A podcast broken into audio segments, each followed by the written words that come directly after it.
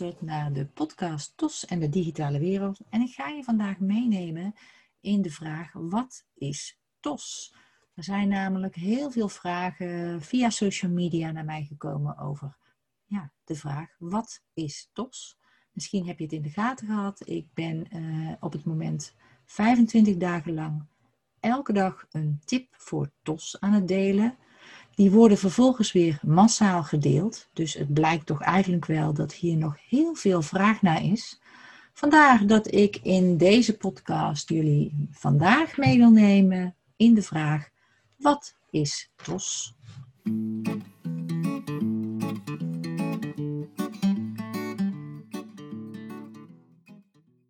Wat zijn de mogelijke oorzaken van een taalontwikkelingsstoornis? Er wordt op dit moment heel veel onderzoek gedaan. En een van die onderzoeken richt zich op de genen. Een taalontwikkelingsstoornis, een TOS, is namelijk voor een groot deel erfelijk. Dus is men benieuwd, ja, welke genen worden nu wel of niet doorgegeven bij een TOS? Wanneer ouders ook een TOS hebben. Hè? Welke genen zitten er dan die ervoor kunnen zorgen dat het kind ook een TOS ontwikkelt? Nou, er is niet één speciaal gen gevonden dat zorgt voor een TOS, maar er zijn wel vijf belangrijke genen aangetoond die mogelijk een rol spelen bij het krijgen van een TOS. Nou, je hoort het al, mogelijk, misschien. Het is nog allemaal vrij onduidelijk. Want een kind met ouders met een TOS krijgt zelf niet altijd een TOS. En die genen die kunnen misschien wel belangrijk zijn bij het ontwikkelen van een TOS, maar de omstandigheden waarin vervolgens het kind opgroeit, kunnen ervoor zorgen dat die genen een soort van aan of uit worden gezet. Ja, het klinkt heel apart, maar over die omstandigheden uh, vertel ik hier zo meteen nog even wat. Maar het is namelijk zo dat die omstandigheden belangrijk zijn, maar ook het genenpakketje het is algemeen bekend dat er bijvoorbeeld veel meer jongens dan meisjes zijn met een TOS. En dat TOS toch wel voorkomt bij 5 tot 7 procent van de bevolking. Als tweede wil ik noemen uh, bij de oorzaken van een taalontwikkelingsstoornis dat er gekeken wordt in onderzoeken naar de opbouw van de hersenen. Want uh, zoals je misschien weet, het talige gedeelte van de hersenen zit aan de linkerkant. En nu blijkt dat bij een groot percentage, en ik heb de percentages hier niet precies bij de hand, maar bij een groot percentage van de leerlingen met een TOS is het gebied aan de linkerkant kleiner dan aan de rechterkant. Als derde, voor een oorzaak van een taalontwikkelingsstoornis, is er onderzoek gedaan naar de activiteit in de hersenen. Uh, kinderen met een TOS hebben gewoon minder taalgevoel. Zij horen die fout veel minder snel. Uh, de taal komt binnen in hun hersenen en het, je moet het zien als een snelweg. Uh, je kent die knooppunten wel, waar, uh, waarvan je als je er met een helikopter overheen zou vliegen, dat je denkt, oh mijn god, wat loopt dit allemaal door elkaar? Het lijkt wel een weerwar, een soort ja, knooppunt is het dan ook letterlijk, hè, van wegen. En eigenlijk zit dat bij iedereen in de hersenen hetzelfde. Het is enorm ingewikkeld wat er in je hersenen gebeurt. Bij kinderen met een TOS raakt dit vaak overhoop, in de war. Uh, kinderen hebben niet dat taalgevoel om de taal die ze ontvangen meteen in de juiste context te plaatsen, goed te begrijpen, maar ook eventuele fouten te horen. Ook dat vinden ze lastig. Dus die activiteit in de hersenen, dat auditieve verwerken van informatie, daar zit een probleem. En dat wordt dus nu onderzocht met onderzoeken. Maar ja, de auditieve verwerking is gewoon bekend dat die problemen geeft. Want elk kind met TOS heeft tijd nodig. Uh, wanneer jij een instructie geeft in de klas, heeft dat kind extra tijd nodig. En heel vaak hoor ik dan, ja, maar ik geef toch tijd? Natuurlijk. Maar zoals een uh, goede bekende van mij, Chantal Mailly, van uh, Logopedie Dordrecht zei laatst in haar Instagram-post: eh, tel tot 10. Geef 10 seconden de tijd. En 10 seconden zijn best lang als jij wacht op een antwoord. We zijn geneigd om de stilte in te vullen. Andere kinderen zijn geneigd om al te roepen met het antwoord. Maar die 10 seconden voor dat kind met een tos zijn zo belangrijk om even zijn gedachten en zijn antwoord te formuleren in zijn hoofd en daarna nog eens uh, verbaal te presenteren. Want ook daar zit vaak het probleem. Ze weten het wel, maar hoe zeg je dat? En zet dat nou eens in een goede zin.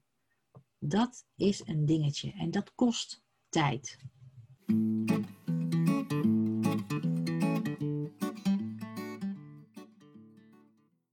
Een vierde oorzaak voor taalontwikkelingsstoornis is, uh, kun je benoemen als het vermogen van de hersenen om patronen te leren. Want de meeste kinderen die hun moedertaal uh, uh, leren, die lijken dat eigenlijk als vanzelf te doen. Hè? een kind neemt al heel snel heel veel woorden in zich op, als baby, als peuter. En eerst benoemt hij werkwoorden nog van mama. Hij zegt bijvoorbeeld mama lopen. En hoe vaker hij terugkrijgt dat het, is, dat het in plaats van mama lopen, mama loopt moet zijn, gaat hij dat overnemen. En het mooie is, kinderen gaan als een soort vanzelf dit ook toepassen op andere woorden. Dus mama loopt, papa fietst, uh, Jantje uh, glijdt. Al die vervoegingen van die werkwoorden, dat snappen ze eigenlijk al een beetje als vanzelf. Die andere vormen die een werkwoord krijgt, maar ook andere woorden. Hè? Ehm, kinderen met een TOS hebben moeite om dit soort patronen aan te leren. Uh, en die moeite om patronen aan te leren zie je niet alleen in die taal terug, maar ook bij het leren van bijvoorbeeld bewegingen. Uh, zwemles is ook zo'n ding. Om dan ook nog eens die benen en die armen op een, eigenlijk op een andere vorm te bewegen. Want ja, met je armen doe je iets anders dan met je benen. Dat is lastig.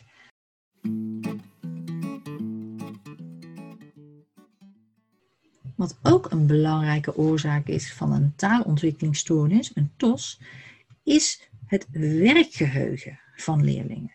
Naast de moeite met patronen leren, wat ik daarnet vertelde, kunnen kinderen met een TOS ook vaak problemen hebben met leren omdat hun werkgeheugen vaak minder groot is dan bij kinderen zonder een TOS. Waardoor ze dus de informatie, uh, hoeveelheid van informatie, minder goed kunnen opslaan van het korte termijn geheugen naar het lange termijn geheugen. Uh, ze, ze, kunnen problemen hebben met aandacht. Wanneer jouw werkgeheugen snel vol zit, dus wanneer jouw hoofd best snel vol zit om allereerst te verwerken van wat zegt die leerkracht of wat zegt mama nu. En daarop vervolgens te reageren. Als jij dan vervolgens nog iets zegt of nog een zin erachteraan of nog meer informatie geeft, dan wordt het een file in dat hoofd. Je moet het zien als een weg waar van allerlei uh, invoegstroken steeds meer auto's opkomen. Op een gegeven moment stopt het en wordt het een file. Dan heeft het geen soepele doorgang meer. Dit zou je ongeveer kunnen bedenken eh, bij het werkgeheugen van een kind met een TOS. De, het werkgeheugen raakt snel vol, verstopt en slaat daardoor een beetje vast. Er kunnen problemen ontstaan met aandacht. Uh, het kind kan het opgeven. Je kunt een kind in de klas zien of thuis waarvan je denkt, nou, die is lekker betrokken. Maar misschien is het kind gewoon afgehaakt omdat hij gewoon veel te veel informatie kreeg die hij op dat moment eventjes niet meer kon verwerken. En uiteraard, wanneer je de informatie niet meer kunt verwerken, kun je dus ook niet in je lange termijn geheugen opslaan. En dingen die je niet in je lange termijn geheugen opslaat, die heb je dus niet geleerd. Dus wanneer je jezelf hoort zeggen, dat heb ik toch al een paar keer verteld, bedenk dan dit kind heeft het gewoon niet meer gehoord. Het zal nog een keer verteld moeten worden. En nog een keer. En liefst met een ondersteuning. Want uh, bedenk, omdat dat auditieve werkgeheugen zo snel vol zit, moet je het ondersteunen. Geef plaatjes erbij. Uh, laat op het digibord een afbeelding zien van uh, waar je over praat bouw je instructie op op het whiteboard of op het digibord. Uh, zorg voor een duidelijk bordschema. En uh, zo'n presentatie, zo'n hele gelikte presentatie in zo'n mooie software tool is prachtig, maar bouw die ook langzaam op. Zet daar bijvoorbeeld van, van die vierkante vlakken overheen en laat die gaandeweg jouw verhaal steeds verdwijnen, zodat er steeds langzaam steeds meer informatie komt, waardoor het werkgeheugen niet in één keer overbelast wordt, maar gefaseerd de stof wordt aangeboden. Die leerproblemen zijn echt heel belangrijk om in de gaten te houden bij een leerling met een TOS. Als laatste en vijfde oorzaak van taalontwikkelingsstoornis wil ik omstandigheden noemen. Uh, dat is een lastige, want omstandigheden, uh, wanneer je dat uh, vertelt tegen ouders van kinderen met een TOS, die voelen zich dan toch altijd een beetje ja, aangeraakt, omdat omstandigheden, ja, ja, omstandigheden heb ik er dan voor gezorgd? Nee, maar het kan wel bijdragen tot de ontwikkeling van een TOS of tot een, uh, een intensivering van de TOS zelfs. Bij, uh, bij een kind wat opgroeit zonder heel veel taal. Uh, een kind wat opgroeit waar weinig mee gesproken wordt, waar geen liedjes mee gezongen wordt, waar geen boeken worden voorgelezen. Dat werkt niet in het voordeel. Het kind heeft al een, waarschijnlijk al een, um, een aanleg voor een TOS. Er zitten bepaalde genen heeft het kind al in zich. En die worden dan op dat moment, als het ware, aangezet, wat ik helemaal in het begin vertelde, doordat hij te weinig taal tot zich krijgt. Dus het is heel belangrijk dat je vanaf jong, uh, vanaf jong kind, vanaf de geboorte, veel taal gebruikt bij ieder kind. Maar zeker wanneer je weet dat het eventueel uh, Ehm, dat, het, dat het, als je ziet dat de taalontwikkeling wat langzamer gaat, ga met dat kind zingen, ga met het kind praten, maar dan nog heeft het niet altijd het effect wat het zou moeten zijn.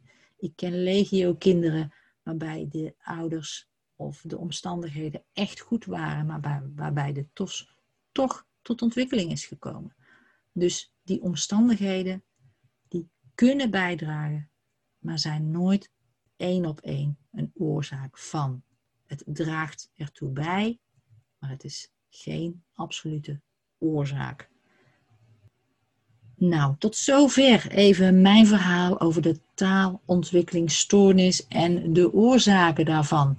Het was een beetje een theoretisch verhaal, daarom ga ik in mijn volgende podcast meer in op uh, praktische tips voor TOS.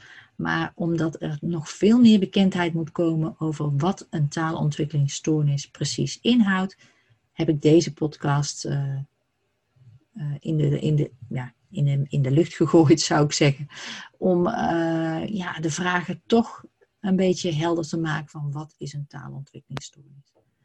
Als tip wil ik de luisteraar meegeven, ga naar de website van auris.nl en ga daar uh, eens even in grasduinen, want daar kun je namelijk een gratis poster downloaden met taalontwikkelingsstoornissen en oorzaken. En dat is een geweldige poster om, uh, aan de, om in je teamkamer op te hangen bijvoorbeeld.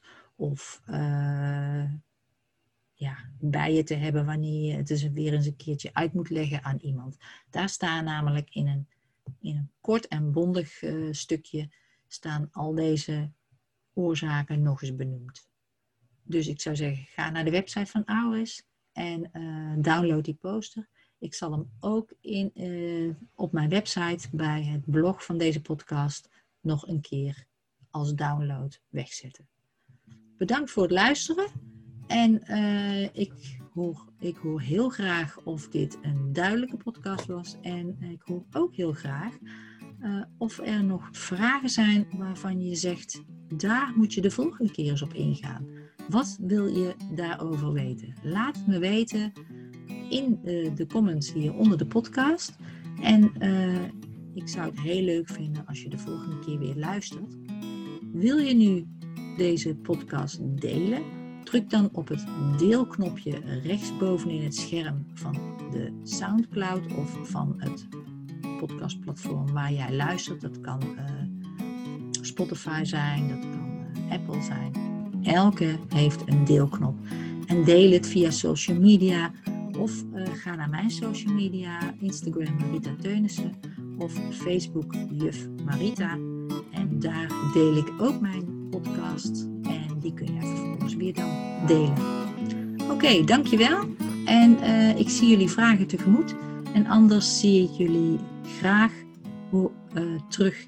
Nou ja, zien. Ik hoor jullie graag terug in de volgende podcast. Fijne dag!